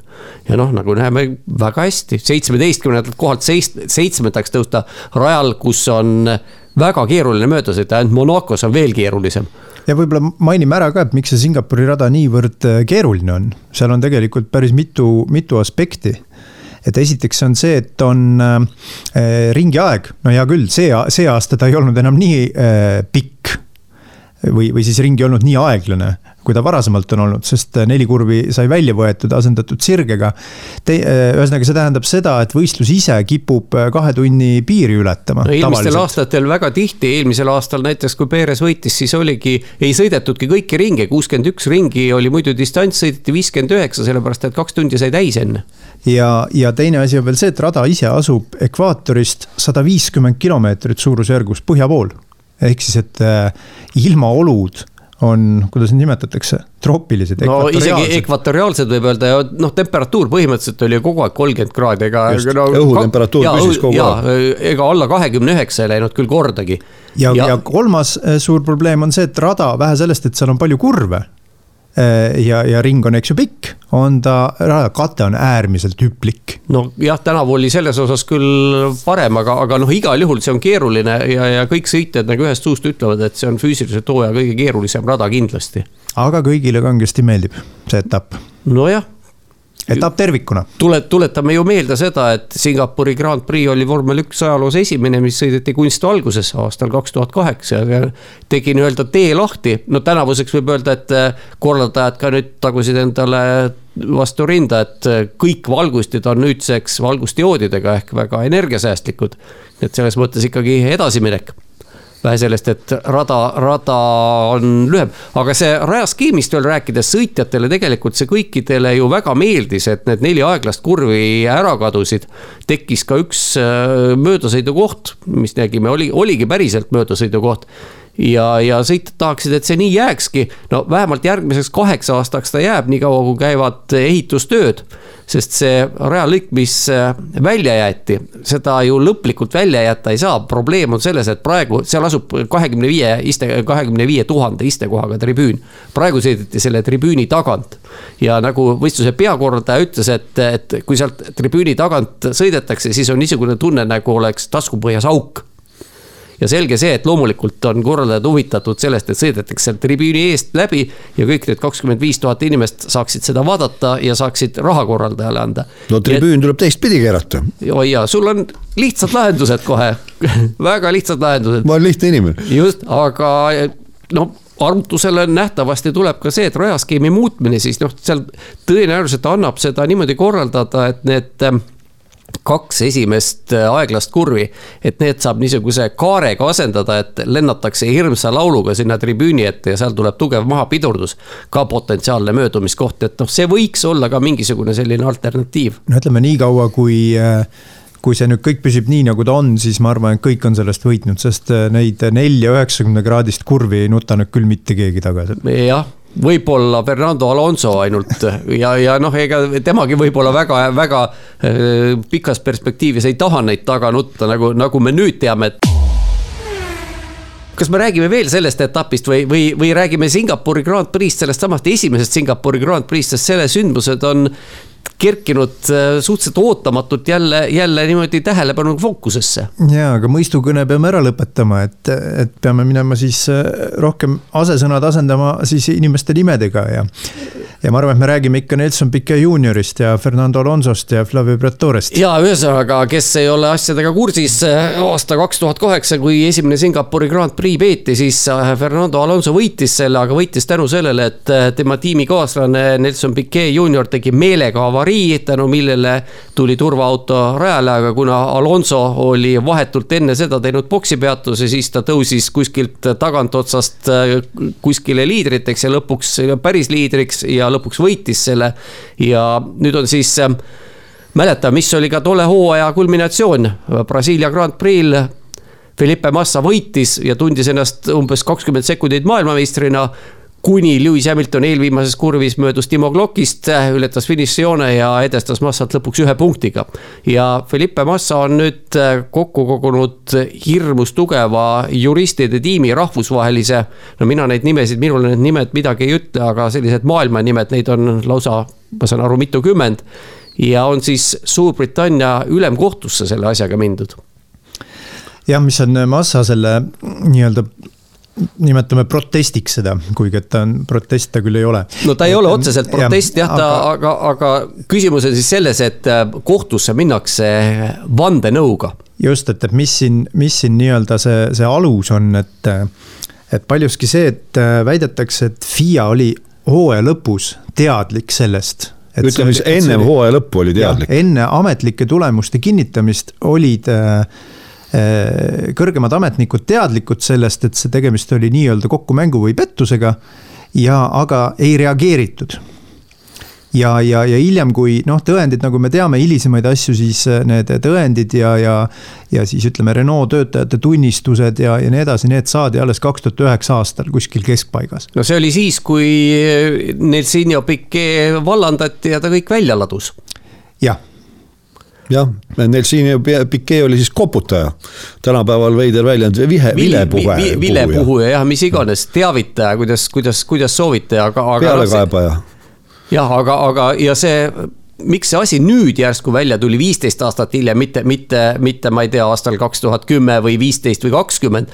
on see, et äh, lapse suu Bernie Ecclestone andis kevadel ühe intervjuu kus ta väitiski just, et tema ja Max Mosley, rahu tema põrmule, olid äh, enne hooaja lõppu teadlikud, mis seal toimus. ja jällegi, kes on meil noored kuulajad, ei tea, kes Max Mosley oli, tema oli tol ajal FIA rahvusvahelise autoliidu president tähendab, ühesõnaga, mida Massa taotleb, on see, et, et selle etapi tulemused tühistatakse kogu, kogu, kogu täiega, kogu täiega.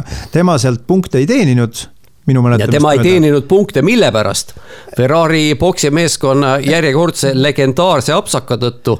jah, kus Massa sõitis terve boksi Mass... tee, kütusepoolik. ja tolla, tollal oli lubatud tankimine ja Massale anti signaal minema sõita, enne kui oli kütusevoolik auto küljest lahti võetud. aga nüüd kogu selle Massa taotluse, siis on, äh, see taotlus on ajanud harjapunaseks Toto Wulfil ja miks nimelt, justkui noh, hea küll, võime mõelda, et Mercedese tiimipealik ja toona Hamilton sõitis ka ikkagi Mercedese mootoriga, küll McLarenil. aga asi ei ole üldse selles, asi on selles, et kaks tuhat kakskümmend üks kaotas Mercedes viimase etapi, noh, ütleme niimoodi, et viimastes kurvides ühe väga-väga kummalise otsuse tõttu siis äh, enda maailmameistritiitli, nii et. Äh, no loogika, loogika on väga lihtne, kui, no Massa läheb kohtusse sellega. kui me seda teed äh, lähme see..., siis me lähme, kui, kui teie lähete, läheme meie ka. just, just täpselt, et see, see on nüüd, see on nüüd loogika ja noh, muidugi võiks siin hakata veel vaatama selliseid küsitavaid, küsitavaid otsuseid, noh, kasvõi võtame jälle. kui meil Hamilton juba niimoodi kondiks hambus on, siis miks mitte kaks tuhat seitse oi, me võime siit ajaloos ju tagasi minna no,, neid võime... etappe on küll ja veel. no, no just, aga noh, niimoodi vähekesegi hoomatavast minevikust ei ole mingit tuhande üheksasaja viiekümnendatesse ei hakka vast minema, kuigi jah, sealt saaks ka selliseid näiteid ja otsida. üldse ei ole vaja ju otsida hooaja viimaseid etappe, vahet ei ole, millise me sealt kuskilt keskelt ära kustutaksime. punkte antakse, punktisüsteem ühe hooaja erinevusega ja. on, on alati olnud selline, et kõik punktid annavad võrdset etappe no,. minu hinnangul on teg-, oleks tegemist halva pretsedendiga. absoluutselt, ja ja ma ütleks, et isegi küsimus ei ole ainult vormel ühes või, või ainult autospordis, vaid see, see tegelikult annaks mingisuguse, laseks niisuguse paisu valla kogu maailma spordis. kui järsku äh, spordis ei kehti enam spordireeglid, et spordireeglid ei ole see, see kõige, kõige kõrgem ja mida Toto Wolf ütles ju ka, eks ole, et me oleme kõik võistlejad, meil on litsentsid, me oleme alla kirjutanud, et me järgime neid. ja me oleme, anname selle litsentsi äh, omanik muuseas ütleb ka, et ta, et ta ei vaidlusta neid reegleid mille alusel võistlused peetakse. Ja see on nüüd see reegel, mida Massa tahab rikkuda ja, ja üks intervjuu tema, tema advokaadiga. seal see advokaat loomulikult ei öelnud täpselt, mida nad, mida nad kavatsevad, et mis nende, mis nende selle, selle juhtumi see kese või, või argument on, aga sealt võis aru saada, et kavatsetakse just need reeglid panna küsimuse alla, et, et kas siis reeglid saavad olla see kõige kõrgem, kõrgem nojah, autospordis. kas reegel, ühesõnaga, et kas reeglid on seadustega kooskõlas? või siis, et kas reeglid on mõningas mõttes seadusest kõrgemal, et kuritegu on ju nagu toime pandud, eks ole. ja, ja nüüd on ju küsimus Kuri, selles ja, ka. kuritegu ongi, seal on jälle, tulevad jälle nüansid, eks ole, et miks see, miks see kohtuasi just Inglismaal on. sest Inglismaal äh,, nagu üks jurist mulle seletas, on võimalik äh, vandenõuga minna kohtusse suhteliselt lihtsalt aga jah, et see, see avaks tõesti Pandora laeka, et Toto Wolf täpselt reageeris sellele, et, et juhul kui Massa läheb kohtusse selle asjaga, ta läheb ja juhul, kui ta peaks võitma, siis täpselt nemad lähevad, lähevad selle kahe tuhande kahekümne esimese aasta äh, juhtumiga. ja noh, ka siis lähevad nad ilmselgelt FIA vastu, sellepärast et ega Verstappen polnud milleski süüdi, tema sõitis nii, kuidas, nii kuidas ta sõitis, et selles mõttes selle ühe Briti kommentaatori jutt, kes siin äh, kas see oli möödunud aastal, ütles, et äh, Verstappen röövis Hamiltonilt maailmameistritiitli, ei, Verstappen ei röövinud mitte midagi. Michael Masi oli see, kes langetas väga veidra otsuse ja selle, seejärel tulemus oli selline, nagu ta oli. no Verstappen tegi seda, mida võidusõitja teeb, kui sul on võimalus eesliikujast mööda sõita, siis, siis sa sõidad mööda. jah, aga muidugi siin on täpselt see teema ka nüüd, et äh, minu jaoks näiteks äh, natukene võrreldav, võib veider tunduda, mina olen alati ausa spordi poolt ja, ja dopingu vastane, raudne vastane, aga näiteks äh, minu jaoks tundub küll väga veider, kui tänapäevase tehnoloogiaga minnakse, ütleme, kümne aasta taguste dop-, dopinguproovide kallale et no kuhu me niimoodi jõuame, lähme siis, ma ei tea, siis lähme kolmkümmend aastat tagasi, lähme nelikümmend aastat tagasi no,, kui nad alles on. seal võib juba teistmoodi öelda, et siis olid reeglid teised, et sa, sa pead seda ka jälgima. no just, et jääme ikkagi selle juurde, mis, mis mingil ajal, millised reeglid kehtisid ja, ja ma saan aru, et praegu selle massajuhtumi puhul on ka see, et kui noh, teise vastaspoole Äh, advokaadid asja üles võtavad. aga muuseas, kes üldse on vastaspool? no saan... vot äh, ei tea veel, aga. et kui me, kui me räägime nüüd, ma saan aru, et äh, FOM on see ke,, kelle pärast noh, kuna ta asub Inglismaal, siis mindi seal kohtusse. aga mis... ilmselt ta lähebki siis FOM-i ja FIA, sellepärast et tol ajal teadlikud olid ju FIA president ja FOM-i, FOM-i juht oli ju Bernie Eccleston. just, aga nüüd no FIA ei ole, ei asu jällegi Inglismaal, nii et Fiat tuleks ilmselt kus ta on, Šveitsis meil või, kus ta või, või on? Prantsusmaal või? Prantsusmaal, ta asub, aga kas ta jah, on no, registreeritud ka Pariisis? kus tal see, kus tal see juriidiline aadress, no see selleks, aga noh, küsimus on selles, Massa on nüüd või õigemini täpsustame.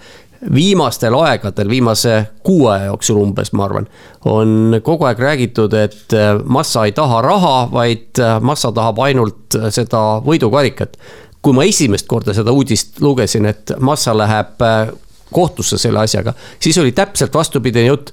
jutt oli sellest, et kui Massa oleks võitnud selle MM-tiitli, siis ta oleks saanud boonuseid Ferrari'lt ja nüüd ta tahab saada äh, just neid boonuseid kätte. noh, selge see, et kui ta palkab, ma ei tea, kakskümmend advokaati või kui palju neid seal täpselt on, siis nendele tuleb millestki maksta selle karikaga ta ei maksa nendele advokaatidele, selle õiglusega ta ei maksa neile advokaatidele. eks seal on kindlasti raha ka mängus, see on, see on nüüd asja üks pool. no ja te jah, ja seetõttu ei ole ka Ferrari talle õlga alla pannud. ma just tahtsingi, tahtsingi selleni jõuda, et Ferrari'l ei ole vähimatki huvi ja, ja üldse, kui hakatakse nüüd äh, seda, seda raha on vaja kuskilt ju nõuda, kellelt seda siis nõuda nüüd? FOM-ilt, FIAlt Ferrari'lt, Ferrari oleks pidanud talle, eks ole, maksma neid bonuseid. aga miks ta maksta ei saanud, sellepärast et Alpine või õigemini siis Renault täna, tänase päevaga Alpine, eks ole, sama, sama kontsern. sellepärast, et nemad korraldasid vandenõu, siis tuleks sealt küsida hoopis seda raha, aga võib-olla hoopiski konkreetsetelt isikutelt. Flavio Peratore ja, ja, ja tema käsilased. no lühidalt me peame ära ootama, et äh, milles siis äh, ikkagi see hagi seisneb, et äh, ega seda pole ju praegu see noh, selgelt sõnastatud ega avaldatud. ma saan aru, et seal on ma isegi ei tea, kuidas, kuidas need juriidilised terminid täpselt on, aga on antud Inglismaal pesitsevatele asjaosalistele on seadid, sead-, saadetud selline teatis, et nad ei tohi mingisuguseid materjale hävitada, mis selle kohta käivad noh, ühesõnaga mingisugused sellised eelsammud on tehtud, eks me näeme ja tõenäoliselt muidugi, kui see, kui see kohtuprotsess hakkab toimuma, siis noh, see võib kesta aastaid. sest see on, see on nii keeruline konstruktsioon, mida meie siin kindlasti ei hooma. ja mis sealt see, see tulemus võib tulla, noh. ja, ja see teema on selline, et ta ongi pretsedenti loov, midagi taolist võrdluses kõrvale ajaloost võtta ei ole. just nimelt kahjuks üks äh, inetu lugu, lihtsalt inetu episood. vormel ühes, mis äh, ja, ja ega see lugu nüüd ka noh, kes siin see võitja on, et ilmselt advokaadid, kes saavad tööd lihtsalt. pigem, pigem jah, et üldiselt, üldiselt sellist äh, suures plaanis võitjat on, on väga-väga raske siin näha ja, ja mitte ainult tõesti, et see ei, ei ole küsimus, ei ole ainult selles, et siin autosporti see võib mõjutada, aga see võib kõiki, kõiki muid spordialasid täpselt samuti mõjutada, noh. suli on, eks ole, ikkagi tehtud ja, ja neid sulisid on spordis ikka karistatud võistlusmääruste kohaselt. kas me vormel ühest räägime veel midagi no,, Jaapani no, etapp? no Jaapani etapp on tulemas ja loodetavasti loodusjõud ei sekku ja saame vägevat võidusõitu näha no ma tahaks kohe küsida, et kas see Red Bulli altminek Singapuris oli nüüd äh, ühekordne ja, ja Ferrari tõus ühekordne või, või mis Jaapanis toimub? no mina väidan, et äh, vähemalt Ferra-, tähendab siis Red Bulli altminek oli ühekordne ja Ferrari'l ei õnnestu seal samasugust äh, rongi tekitada. no ja võidu osas kindlasti mitte jah. Selle... no see raja iseloom on juba teistsugune. jah ja., seal on võimalik mööda sõita, seinu ei ole igasuguseid. aga vähemasti on meil äh, no intriig on ju õhus, intriig on niisugune, millest, millest teravamat ei saa olla. ja, ja intriig on ka selles osas veel õhus, et, et nüüd käib tõsine heitlus teise, teise koha peale. Ferrari ja Mercedese vahel. puhtalt, kui me lihtsalt nii-öelda külmalt punktitabelist räägime. jah, seitse etappi on ju veel jäänud tervelt, aasta hakkab justkui lõppema juba, aga paljude jaoks, aga seitse etappi on veel sõita. ja nii, nii naljakas, kui see ka pole, et olgu mõlemad nii tituleeritud äh, tiimid kui tahes, et kokkuvõttes on see oluline, millisel kohal sa lõpetad. jah, ja Jaapanis, tegelikult Singapuris oli juba teoreetiline võimalus ka Red Bullil äh, tiitel võita, tiimide tiitel siis võita, noh, selleks oleks pidanud kõik punktid, kõikvõimalikud punktid võtma ja Mercedes oleks tohtinud ühtegi punkti võtta, noh, lõppkokkuvõttes niimoodi ei läinud. aga Jaapanis kindlasti see võimalus on neid taaskord, on see võimalus isegi suurem ja vaat ma nüüd ei ole arvutanud, kas äh, Verstappenil on võimalus ei ka, ole, ei ole, ei ole, kolm punkti jääb puudu selge seda rahulikum. et ütleme niimoodi, et sada kaheksakümmend punkti peaks olema vahe, aga kui kõik läheb metsa Peresel ja kõik läheb hästi Verstappenil, siis vahe on sada seitsekümmend seitse punkti, nii et. no näed, keegi ikka on arvutanud.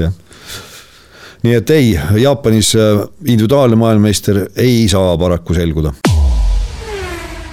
kui me nüüd vormel ühele tõmbame joone alla, siis äh, meenutame veel ka vana asja, tundub, et see oli juba kunagi kauges-kauges minevikus, aga Jüri Vipsi tegemistest äh, Indikaaris äh, viimane etapp Laguna Secas. Jüri näitas ennast taas väga heast küljest, veel palju paremast küljest kui Portlandis oma debüüdil. räägime siis sellest ka natukene no alustame sellest, et tollel nädalavahetusel siis nädal tagasi, äh, sellele nädalavahetusele eelnes siis neljapäevane, äh, nimetame seda siis üldiseks või grupitestiks, kus kõik osalevad võistkonnad ja kõik osalevad võistlejad ka rajal käisid päev otsa. Ja põhjus oli siis eelkõige selles, et Laguna Seca rada sai uue katte kevadel ja see oli oluliselt kiirem ja anti võimalus kohaneda kõigile võistkondadele ja terve selle testipäeva oli Jüri Vips kiireim sisuliselt. alustas rahulikult, aga kuni päeva lõpuni tema ajad olid tipus esimesel kohal ja siis päris lõpus kolm võistlejat said tast natukene parema aja, võistkond oli Jüriga ülirahul. ei tekitanud ta seal mingisuguseid punaseid lippe ega midagi ja kui saabus siis võistlusnädalavahetus, siis ta oli jälle kogu aeg oli tipus ja kvalifikatsioonis Äh, sõitis ta välja seitsmenda aja ja vormel üks on palju äh, maha kopeerinud äh, Indikaarist tegelikult, nii tehniliste lahenduste poole pealt kui ka ütleme siis niimoodi, et võistlusnädalavahetuse formaadi poole pealt. ja näiteks Indikaaris on ammu juba see kasutusel, et on mitu kvalifikatsioonivooru, tõsi, seal tehakse niimoodi, et kuna võistlejaid on ja oli konkreetselt kakskümmend seitse tükki. noh, hooaega läbivalt on seal olnud kakskümmend seitse, välja arvatud siis eh, Indy viissada, kus on kolmkümmend kolm alati traditsioonilises stardis. ja nad jagatakse kahte alagruppi nii-öelda, kaks ala. mis, mis eh, peaaegu et väldib sellise vormel ühes tavalise liiklusummiku. jah, eriti no, esimeses kuigi, voorus. kuigi alati ei väldi, sest no, lõppkokkuvõttes ju Jüri ütleski, et tal kolmandasse vooru ehk kuue kiirema hulka pääs jäi just selle taha, et Romain Grosjean segas. jah, aga süsteem siis selline, et äh, ühes grupis kolmteist sõitjat, teises neliteist vastavalt, et see kakskümmend seitse kokku tuleks. ja kummastki grupist saab kuus kiiremat edasi.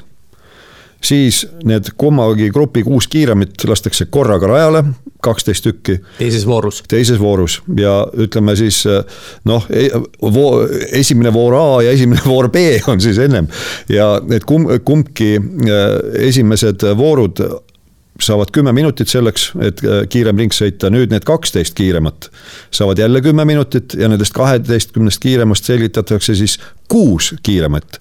see on see Firestone äh, Fast Six või kuidas nad nimetavad seda. ühesõnaga kolmandasse vooru jõuavad kuus kiiremat. kuus siis... kiiremat ja nendel on siis kuus minutit selleks, et kiirem ring sõita.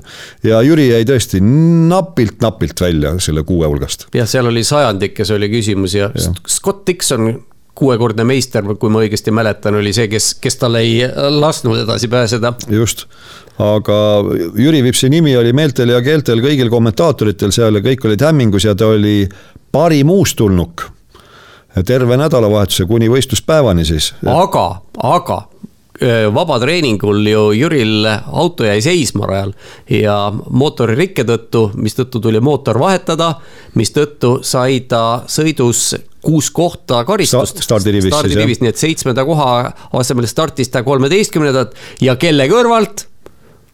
eelmise aasta tiimikaaslase Markus Armstrongi kõrvalt ja. jälle. ja jällegi näide sellest, et äh, jällegi on vormel üks äh, kopeerinud äh, Indikaari, Indikaaris ka mootoritel on nii-öelda limiit, kui palju sa karistusvabalt võid neid kasutada ja Jüri Vipsi autol siis autol number kolmkümmend läks kasutusse ülemäärane mootor, mis tõi kaasa siis selle äh, kuuekohalise karistuse, mitte kümme kohta, vaid kuus kohta. no kui päris täpne olla, siis tegelikult päris palju oli neid sõitjaid, kes said seal samasuguse karistuse, aga, aga jah, Jüri paraku ei, ei olnud keegi sellisel kohal, et Jüri oleks sellest midagi võitnud ja stardis äh, Jüri tegi väga hea stardi, aga noh, siis ütleme sisuliselt esimene kurv, aga korvi loetakse seal teisiti, see e-, esimene kiire, mis läbitakse praktiliselt täisgaasiga. noh, see on seal ka kurv, aga hea küll. Äh, teises kurvis siis. mis on väga aeglane tagasipööre. väga aeglane vasak tagasipööre, Jüri ei teinud mitte midagi valesti, oli ilus, ilusasti sisekurvis. Aga tema eelmise aasta vormel kaks tiimikaaslane Markus Armstrong korraldas seal. no Armstrong jah, kujutas asju ette ja, ja sõitis äh, tagarattasse Jüri tiimikaaslasele Graham Rahalile, kelle auto lendas rajale risti ja torpedeeris Jürit ja siis Reial samas katkestas Jüri sõitis küll ringi lõpuni, aga lükati tema auto boksi platsile, seda seal kakskümmend neli ringi remonditi. ja Armstrong, kes kogu selle jama korraldas, sai edasi sõita. jah, ja, ja, ja lõpetas veel päris kõrgel kohal kah. ja Indikaari eripära ongi selles, et kui auto jõuab boksi, siis teda võib seal remontida ja, ja miks seda üldse tehakse ja kakskümmend neli ringi hiljem rajale tullakse. põhjus on väga lihtne. Kõik, kes stardivad kõik saavad punkte, vähe sellest, kõik, kes on kvalifikatsiooni läbinud ja ei stardi, ükskõik mis põhjusel, tervislikul põhjusel või, või auto on vigane, igatahes kui see auto starti ei lähe pärast kvalifikatsiooni, ta saab ikka punkte, aga ta saab pooled punktid, mis aga ta muidu ja, saaks. ja, ja veel, äh, mis nüüd päris põhjus nende, nende asjade taga on see, et raha jagatakse. just nimelt, et kui äh, vormel ühes on konstruktorite karikas, mille põhjal siis jagatakse raha niimoodi, et noh, kõige paremad saavad kõige rohkem ja kõige lahjemad saavad kõige lahjema äh, kukrutäie. siis äh, Indikaaris nüüd on selline kokkulepe juba minu meelest kas paarkümmend aastat nüüd kehtib, äh, kus siis kakskümmend kaks autot, just nimelt autot ükskõik, kes seal roolis on, aga kakskümmend kaks autot sel tingimusel, et nad on registreeritud täishooajaks täishooaeg siis hõlmab endas nii ovaali etappe, tänavasõite kui ka no kõiki etappe, mida sõidetakse, ka ringradasid ja nüüd see auto number kolmkümmend siis pidi jõudma, ta oli piiri peal, ta pidi jõudma kahekümne kahe parema hulka ja Indikaaris on süsteem siis selline, et nendele kahekümne kahele. see on siis hooaja, hooaja kokkuvõttes. kokkuvõttes kahekümne kahele parimale autole jagatakse kõigile võrdselt raha, mis siis tänavusel hooajal on üheksasada kümme tuhat dollarit. ja selle peale mäng käiski ja Jüri Vipsil läks hästi, ta sõitis lõpuni, võistkond seda tahtis, et ta sõidab lõpuni.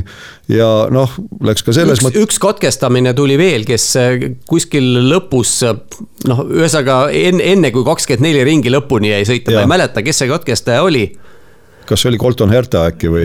võib-olla ja igal juhul see, see päästis põhimõtteliselt. see, see oli üks pääste, päästerõngas ja teine oli see, et Devlin De Francesco Andretti võistkonnast äh, jäi alla viimastel sadadel meetritel Joseph Newgardenile. ja miks see oluline on, kui Ferrari on äh, FIA silmis püha lehm vormel ühes, temal on eritingimused äh, paljud sellised salalepped, salaprotokollid igasugused boonused, siis Andretti võistkond Indikaaris on eristaatuses. et kui selle kahekümne kahe äh, parema kohale hooaja kokkuvõttes äh, võivad konkureerida kõigil võistkondadel kolm autot, siis Andretti võistkonnal on lubatud konkureerida neljal autol.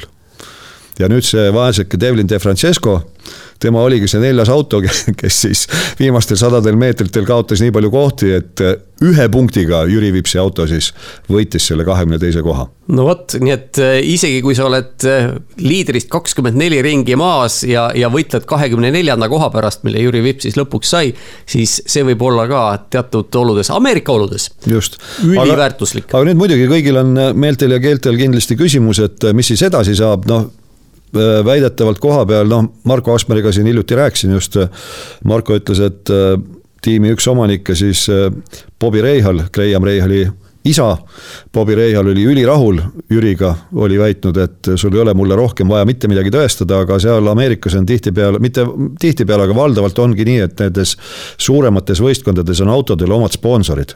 ja noh, näide jälle sellest samast Reihali võistkonnast et möödunud aastal seesama Jack Harvey siis, kes nüüd no,. keda Jüri asendas. keda Jüri asendas, tema sõitis autos number nelikümmend viis, mille peasponsor oli siis Hy-Vee, mis on kas äh, kaubamajade kett seal USA-s. ja see Hy-Vee omanikud olid väga rahulolematud, et see auto ei olnud üldse pildis, tulemused ei olnud head ja kui eelmisel hooajal sõitis äh, äh, siis äh, jah, Kristjan Lundgaard, ka endine vormel kaks piloot Äh, sõitis autos number kolmkümmend, millega võis. siis Lundgaard ja Harvey vahetati, vahetasid auto numbrid ära. jah sponsorid jäid samaks autodel, mitte sõitjatel, vaid just nimelt autodel. vaid just nimelt autodel ja nüüd Lundgaard jätkis samas vaimus nagu eelmisel aastal, säras oma tiimikaaslaste taustal vähemalt ja muidu ka sel hooajal no, võitis ühe etapi. võitis ja. ja vist kaks korda kvalifikatsiooni ja, ka veel. ja, nii et äh, Lundgaard igati pildis, Hy-Vee igati rahul. ja nüüd siis ilmselt otsitakse autole number kolmkümmend, väga kiiret sõitjat, Jüri seda on ja noh, ütleme niimoodi, et. seal on muidugi üks eripära, väga tõenäoliselt Jüri vähemalt esimesel aastal ovaalidel ei sõida. jah, nii nagu tema eelmise aasta vormel kaks tiimikaaslane Markus Armstrong Uus-Meremaalt sel hooajal äh, sõitis ka ainult tänava ja, ja ringradadel ja Takuma Sato asendas teda siis ovaalidel nii et tuntud mees vormel ühest. vormel üks sõitja, jah. jah, ja sealjuures siis äh, sõitmata äh, viit etappi, mis olid ovaalidel. Äh, Markus Armstrong võitis ikkagi aasta uustulnuka tiitli no oleme ausad, aasta uustulnuka tiitlile oli suhteliselt vähe konkureerijaid ja ega need vastased tal seal nüüd teab, kui kõrgest klassist ei olnud ka. aga nüüd on vist siis ütleme nii, et jääme optimistlikult ootama äh, uudiseid lombi tagant, millal need tulla võivad, mine tea, tea., võib-olla sel aastal, võib-olla tuleval aastal, sest äh, hooaeg ju algab seal äh, märtsis, ma arvan. kas märts, jah, päris märtsi alguses, esimestel päevadel no,. umbes samal ajal kui. Püha Peetri linnas, et osa inimesi võib-olla on segaduses, et Sankt-Peterburis on esimene etapp, aga ei. aga ei, see, see ei ole Neeva ääres. see ei ole Neeva ääres nii, aga meie jääme vormel üks lainel ootama järgmist etappi Jaapanis ja nagu öeldud, intriig on väga kõrgel. võib selguda tiimide maailmameister, sõitjate maailmameister veel mitte, aga noh, kuskil kirjas ei ole ju, et peab ilmtingimata Max Verstappen võitma. ei ole Tarmo arvab ka sama, aga ei julge öelda. ei, miks juhul... mina julgen igasuguseid asju öelda, mul lihtsalt, mis ma ikka korrutan nagu papagoi selge, aga äh, saade on sellega lõppenud, kohtume jälle nädala pärast, aitäh kuulamast, kohtumiseni. nautige järelejäänud ilusaid päevi. Kuulmiseni